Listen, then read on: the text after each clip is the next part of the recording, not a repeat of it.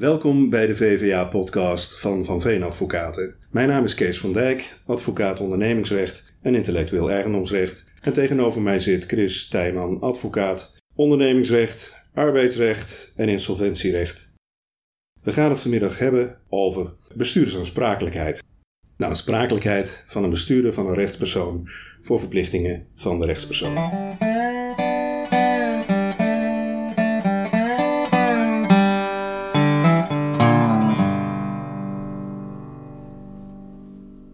Ja, uh, vanmiddag eh, gaan we het inderdaad hebben over bestuurdersaansprakelijkheid. En aanleiding daarvoor is eigenlijk dat we uh, de afgelopen tijd met regelmaat vragen op dat punt hebben gekregen. En dat komt waarschijnlijk ook door de coronacrisis waar we op dit moment in zitten.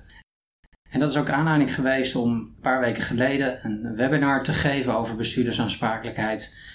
En dat kunt u met alle gemak, kunt u dat via YouTube, kunt u dat terugkijken. Maar misschien toch ook wel goed om gewoon in deze podcast eens even door te lopen wat bestuurdersaansprakelijkheid zoal inhoudt en uh, ja, waar u tegenaan kunt lopen en vooral ook wat u kunt doen om aansprakelijkheid te voorkomen. Nou, en als we het dan over bestuurdersaansprakelijkheid hebben, dan kunnen we dat, uh, dat hele onderwerp eigenlijk in drie gebieden onderverdelen. Allereerst hebben we het over de uh, aansprakelijkheid die je als bestuurder kunt hebben ten opzichte van rechtspersoon. De rechtspersoon kan jou aanspreken op het moment dat je ernstig verwijt behandelt. Gaan we zo verder op in. Daarnaast heb je de aansprakelijkheid die je kunt hebben tegen de gezamenlijke schuldeisers in een faillissement. op het moment dat je als bestuurder wordt aangesproken als het faillissement van de vennootschap is uitgesproken. En dan tenslotte hebben we nog de externe bestuurdersaansprakelijkheid. Eigenlijk de aansprakelijkheid wegens onrechtmatig handelen die je kunt hebben ten opzichte van schuldeisers van de vennootschap.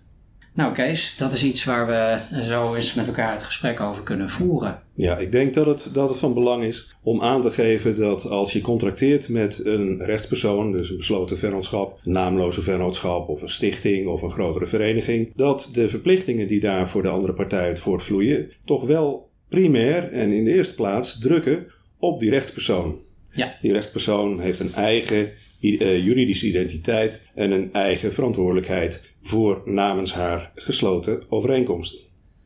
Ja, helemaal eens, Kees. Ik denk ook eigenlijk, hè, dat is natuurlijk het vertrekpunt. Er is niet voor niks, eh, niet voor niks een rechtspersoon. Hè. Allereerst moet die rechtspersoon worden aangesproken op het moment dat er, uh, nou ja, dat er iets mis is. Maar vervolgens, als die vennootschap niet kan betalen, ja, dan kom je wel bij de vraag van, joh, kun je die bestuurder daarvan een verwijt maken? En als we nou eens eventjes zo dat, uitstapje maken hè, naar die interne bestuurdersaansprakelijkheid. Kees, kun je daar eens, want jij bent daar natuurlijk, eh, je hebt de nodige ervaring eh, op dat gebied. En je bent ook wel vaker tegenaan gelopen. Kun je eens aangeven uh, onder wat voor omstandigheden je als bestuurder kunt worden aangesproken door de vennootschap? Ja, nou, dat is uh, als volgt. Zoals uh, iedere werknemer uh, zijn best moet doen voor zijn baas, geldt dat ook voor bestuurders. En daar is een aparte norm voor geformuleerd in artikel 9 van boek 2. En daar staat dat de bestuurder zijn taak behoorlijk moet vervullen. En doet hij dat niet, dan is hij aansprakelijk ten opzichte van de rechtspersoon. Wat betekent dat nou in de praktijk? er is een directeur die er een potje van maakt. Mm -hmm die uh, onverantwoorde investeringen doet of die zichzelf bevoordeelt. En die wordt uiteindelijk door de aandeelhoudersvergadering ontslagen. Dan kan zijn opvolger namens de vennootschap tegen die directeur een uh, rechtsvordering instellen tot verhaal van de schade die die uh, voormalige directeur door zijn handelen heeft veroorzaakt. Dat is niet ieder handelen waardoor schade ontstaat, want dan zou je bange bestuurders krijgen. Maar het moet gaan om uh, zeg maar ernstig, in ernstige mate de taakvervulling, waarvan een ernstig persoonlijk verwijt moet worden gemaakt. En, ja, eens even over die bange bestuurders, hè? want daar is wel nadrukkelijk over gesproken hè? Toen, de, toen deze wet uh, werd gemaakt. Zeg ja, maar. ja. Kun je daar iets meer over zeggen nog? Ja, je ziet het, uh, je ziet het constant terugkomen ook in de rechtspraak van de Hoge Raad. Mm -hmm. Dat niet op iedere slak zout gelegd kan worden. Dat niet iedere verkeerd, uh, of uh, iedere zakelijke beslissing die verkeerd uitpakt en die tot verliesontwikkeling leidt, automatisch aansprakelijkheid voor de bestuurder met zich meebrengt. Um, maar ik moet wel zeggen, mijn ervaring is, ik loop nou vanaf 1983 mee. Mhm. En in 1987 is die wetgeving ingevoerd. En die was toen ingevoerd om eh, zeg maar uitwassen zoals de koppelbazenaffaires en andere vormen van misbruik te bestrijden. Maar ik zie wel in de loop der jaren dat de lat voor het aannemen van bestuurdersaansprakelijkheid toch door de rechtspraak, met name de lagere rechtspraak, steeds lager wordt gelegd. Ja. En daar heeft de Hoge Raad dus bij herhaling op gewezen dat dat niet de bedoeling is, omdat anders bestuurders te bang worden voor aansprakelijkheid en ze niet goed meer besturen. Ja, want dat is wat je eigenlijk ook in dat wetsartikel vindt. Hè? Dat, dat er eigenlijk wordt gezegd van je moet je taak behoorlijk vervullen. Een soort inspanningsverplichting is dat. Hè? Dus daar, dat is niet, niet heel nauw afgebakend. Eh, maar dat je als bestuurder pas kunt worden aangesproken als je ernstig verwijtbaar hebt gehandeld. Hè? Ja. En daar is ook een belangrijk arrest over. Die ken je natuurlijk wel. Stademan van de Ven. Stademan van de Ven. En dat arrest is hier wel doorslaggevend. Hè? En daar zie je ook steeds naar verwezen worden. Hm. Want de Hoge Raad zegt daar eigenlijk dat je alle eh, omstandigheden moet meenemen op het moment dat je gaat zeggen of er sprake is van ernstig verwijtbaar handelen. Ja, Nou ja, goed. En dat kun je dus allemaal maar in het potje gooien wat er, eh, wat er allemaal zo voorbij komt. Maar er zijn wel een paar eh, belangrijke dingen die spelen. Hè? Statutaire bepalingen. ja, daar moet je je aan houden. Ja, Lees dus de statuten goed, want als je je daar niet aan houdt, dan is dat onbehoorlijk bestuur eigenlijk al gegeven. ja, ja. Dat is, dat, is, dat is eigenlijk een van de belangrijkste die je, die je tegenkomt. En tegenstrijdig belang. En wees daar ook gewoon duidelijk over als bestuurder. Dus eh, nou ja, als je salaris eh, aan de orde is of wat dan ook. Hè, of je gaat een aandelenpakket verkopen. Eh, waar je toestemming van de Raad van Commissarissen voor nodig hebt. Ja, dan moet je, dan moet je wel even. eh, eh, nou, dan moet je je mond open doen. Om het maar dus zo te zeggen. Ja, je moet je houden aan de besluitvormingsregels die in de statuten staan. Ja, ja. op ja. dat moment. En, en bij tegenstrijdig belang, ja, moet je ook de, het zij de statutaire, het zij de wettelijke regels vormen die zij, of volgen. Die zijn de afgelopen, of zijn in 2013 wel gewijzigd. Mhm. Maar eh, het gaat erom dat je bijvoorbeeld niet zelf profiteert van een deeltje met de vennootschap. Nee. Dat soort eh, zaken. Dan ben je in dat soort situaties je al vrij snel aansprakelijk als daar schade voor de vennootschap het voortvloeit. Ja. ja, ik zag daar recent nog een uitspraak van de rechtbank in Amsterdam over voorbij komen, inderdaad. Waarin de rechtbank ook uitmaakt dat bestuurder van een, eh, een eh, werkmaatschappij van Vissers met Hanap ja, zijn salaris verhoogt. Zonder dat te overleggen. Ja, dan gaat het mis, inderdaad. Oké, maar dit is dus eigenlijk een beetje het stukje de interne aansprakelijkheid, hè, de 2-9 aansprakelijkheid zoals we dat noemen. En als we nou eens even verder gaan hè, naar het faillissement. Er wordt een faillissement uitgesproken. Ja. Kun je, kun je dan aangeven ja, welke risico's daar zijn voor een bestuurder? Of op welke manier een curator een bestuurder zou kunnen aanspreken? Ja, dat is de, de eh, bestuurdersaansprakelijkheid in faillissement. Die, eh, waar ik op doelde, die is in 87 ingevoerd, 1987. En ehm, het komt erop neer dat gekeken wordt naar de drie jaar voorafgaand aan het faillissement. Mhm. En als daarin sprake is van kennelijk onbehoorlijk bestuur, dan heeft de curator, en uitsluitend de curator, de mogelijkheid om de bestuurders mm, hoofdelijk daarvoor aansprakelijk te stellen. En waarvoor zijn ze dan aansprakelijk? Dan zijn ze niet alleen aansprakelijk voor de schade, maar dan zijn ze aansprakelijk voor het gehele faillissementstekort. Ja. En wat is dat nou? Dat zijn alle schulden in het faillissement, verminderd met de opbrengsten en vermeerderd weer met de kosten van het faillissement. Dus dat kan behoorlijk in de papieren lopen. ja, en dat is dus eigenlijk een, nog een, een veel groter risico dan het risico dat je loopt bij die interne aansprakelijkheid. Ja, want daarbij gaat het om schade en schade moet je stellen en schade moet je bewijzen. Ja, ja. En jij zegt van als er dus kennelijk onbehoorlijk bestuur is in faillissement, dan kan een curator je aanspreken. En hoe, hoe, hoe, kan, hoe komt een curator daar? Heeft hij dan, eh, staat er in de wet dan bepalingen die hem helpen? Of Ja. moet hij dat allemaal zelf aantonen? Ja, de wetgever heeft eh, de curator wel eh, een lichte voorsprong gegeven, om het eufemistisch uit te drukken, Mhm. als er niet aan de boekhoud- en publicatieverplichting is voldaan. ja. Met andere woorden, de jaarstukken zijn niet tijdig gedeponeerd. Eh, of op andere wijze is de boekhoudplicht geschonden. Ik herinner me een uitspraak in eerste aanleg in de Betelgeuze zaak, waarbij het bestuur aansprakelijk werd geacht voor het faillissementstekort, omdat de voor- en nakalculaties onnauwkeurig zouden zijn geweest. Die uitspraak is in hoger beroep omgegaan, enkel en alleen omdat de curator het bewijs niet meer kon leveren omdat hij bij de afwikkeling van de boedel de computers waarop de administratie stond had verkocht. Ja, ja, ja, ja. ja. ja. En maar dat is dus wel uh, meteen een tip voor bestuurders. Hè? Uh, als je nou richting faillissement gaat, zorgen dan alsjeblieft voor dat je je administratie op orde hebt. Juist. Check dat je op tijd publiceert. Ja. En want als je dat doet, dan loop je in ieder geval niet uh, al meteen achter de feiten aan. Ja. Zeg ik dat goed? Ja. En uit mijn eigen ervaring kan het geen kwaad om in ieder geval te zorgen uh, dat je de uh, computerboekhouding kunt ontsluiten. Dat Mhm. wachtwoorden en dergelijke goed aan de curator worden verstrekt. En het kan ook geen kwaad, misschien om al dan niet een overleg met de curator, een digitale kopie van de gehele administratie veilig te stellen. Ja. Tegenwoordig zie je veel dat de administratie in de cloud wordt gevoerd. Mhm. En als de service provider dan niet is betaald, dan wordt de toegang tot de administratie afgesloten. Uh, dat soort dingen moet je voorkomen, want als je geen toegang meer hebt tot de administratie als bestuurder, kun je jezelf ook moeilijk meer verweren tegen claims van de curator, gebaseerd op de administratie die wel in het bezit van de curator is. Ja, hey, en uh, verzekering van een bestuurder in Ja. dit soort procedures, kan je, kan je daar wat over zeggen? Ja, je kunt het risico van bestuurdersaansprakelijkheid goed verzekeren. Mhm. Die verzekeringen zijn niet schreeuwend duur, maar één ding is wel van belang. En dat is dat de polis een onderscheid maakt tussen de gedekte schade Mhm. en de kosten van verweer. Ja, ja. Want ik heb zelf aan de lijve ondervonden dat ik als advocaat van een bestuurder gewoon niet verder kon, omdat de curator onder de verzekeraar beslag legde op al hetgeen de verzekeraar aan de bestuurder zou moeten uitkeren, Ja. waaronder de kosten van verweer. ja, dus kon de bestuurder kon zijn advocaat niet meer betalen. Nee, Nee. En dat is eigenlijk heel makkelijk te voorkomen door dat dus Door- expliciet in je polis op te laten door in de polis een, een, een tweedeling te maken tussen eh, kosten van verweer die aan de advocaat verschuldigd zijn Mhm.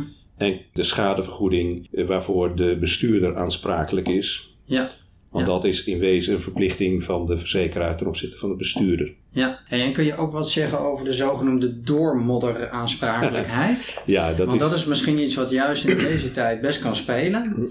Hè? eh, op het moment dat het met een bedrijf eigenlijk niet zo goed gaat. En die bestuurder die, blijkt, eh, die blijft eigenlijk tegen beter weten in doorgaan. Ja, nou, eh, illustratief is dat ik nu nog bezig ben met de afwikkeling van een faillissement en de daaruit volgende claim van de curator op de bestuurder uit eh, 2012, respectievelijk 2014. De gevolgen van de vorige crisis. Eh, het woord doormodderaansprakelijkheid heb ik daarin gebruikt, want de curator verweet de bestuurder dat hij in tijden van crisis te lang was doorgegaan, waardoor de schulden waren opgelopen. Ja, En we zitten nu in de eh, coronacrisis. Veel bedrijven hebben het moeilijk, Eh, sommige bedrijven eh, niet.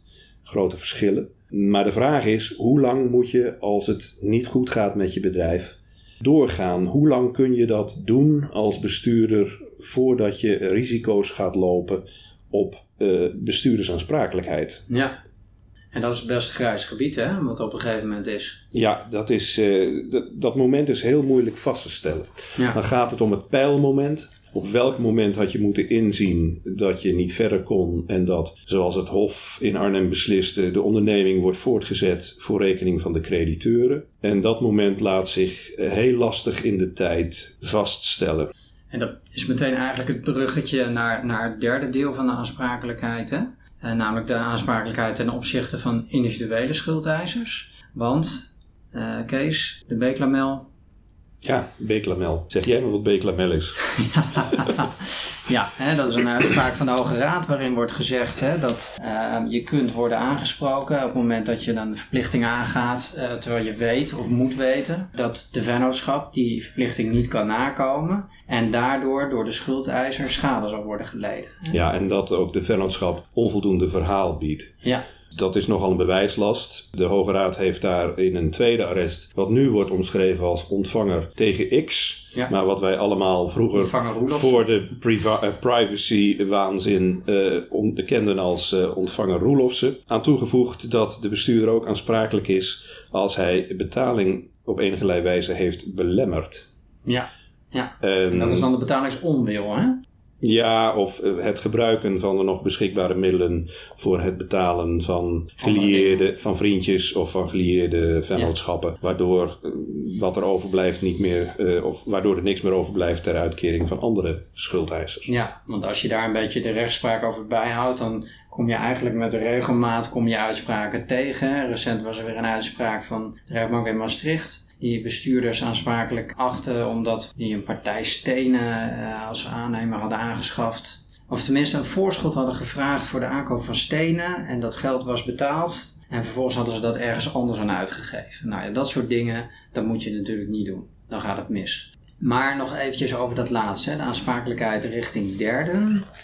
De vraag is even, hoe kun je nou als bestuurder voorkomen dat je wordt aangesproken? Hebben we daar nog tips of ja, tricks over? De, de, vraag, de vraag is of je het kunt voorkomen. Want uh, er is nog geen landmark rechtspraak die zegt als je dat en dat doet, dan voorkom je dat. Mm-hmm. Maar er is wel rechtspraak die in die richting wijst. Waar het om gaat is bij die aansprakelijkheid dat je de schijn van kredietwaardigheid ophoudt. Je ja. wekt bij je leveranciers de indruk dat je kan betalen. Mm-hmm. En als je dat wegneemt en je bent heel open tegen je leveranciers en je zegt luister, ik zit in de problemen. Het gaat niet zo lekker. Het wil je me toch blijven leveren? Het kan zijn dat ik je wellicht niet betalen kan. Mm-hmm.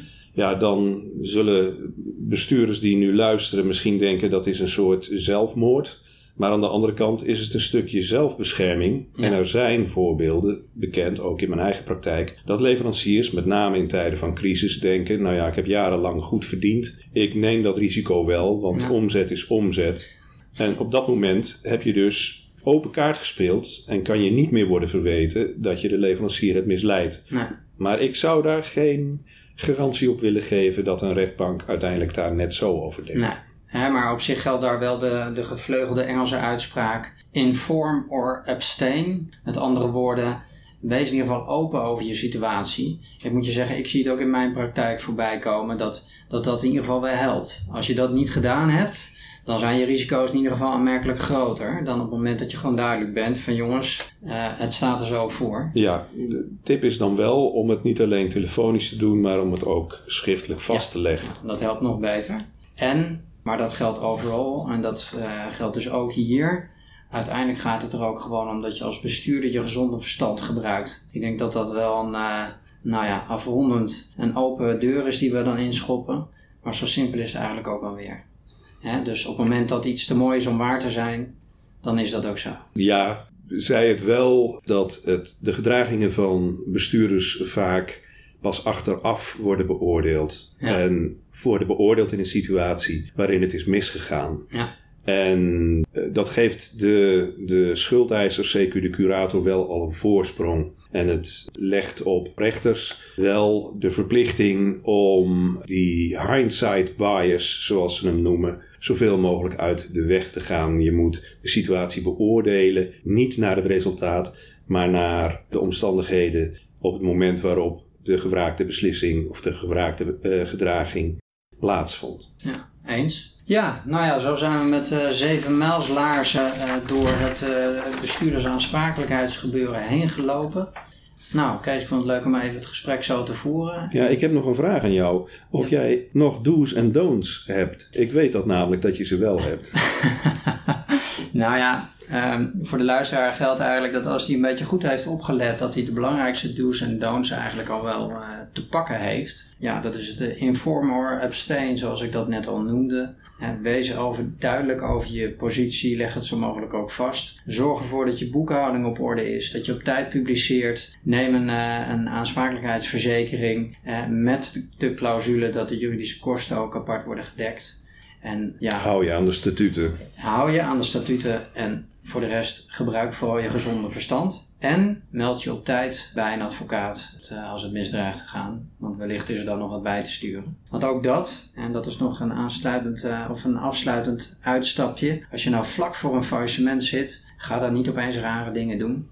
Spullen die je hebt aanbieden als betaling of tegen een te laag bedrag verkopen en verrekenen. Want dan weet je van tevoren dat in faillissement je door een curator zult worden aangesproken. Ja, zelfs als je ze tegen een marktwaarde of een ruime marktwaarde verkoopt. We kennen de uitspraak interniewer. Ja. Waarbij er winst werd gemaakt op de verkoop van boedelbestanddelen, die toch leiden tot aansprakelijkheid van het bestuur. Ja. Goed, ehm, luisteraars, dit was de podcast over bestuurdersaansprakelijkheid. Uh, het is mogelijk om u te abonneren op de podcast in de gebruikelijke apps. Uh, als u dat doet, dan krijgt u automatisch een melding als er een nieuwe podcast is. Op onze website uh, www.vanveen.com staan ook artikelen over dit onderwerp. En op vanveen.com webinar kunt u zich inschrijven voor de diverse webinars die wij nog gaan presenteren. Op YouTube kunt u onder de zoekterm Van Veen wellicht onze reeds gehouden webinars eenvoudig volgen. Chris en ik danken u voor uh, het luisteren naar deze podcast en tot de volgende keer.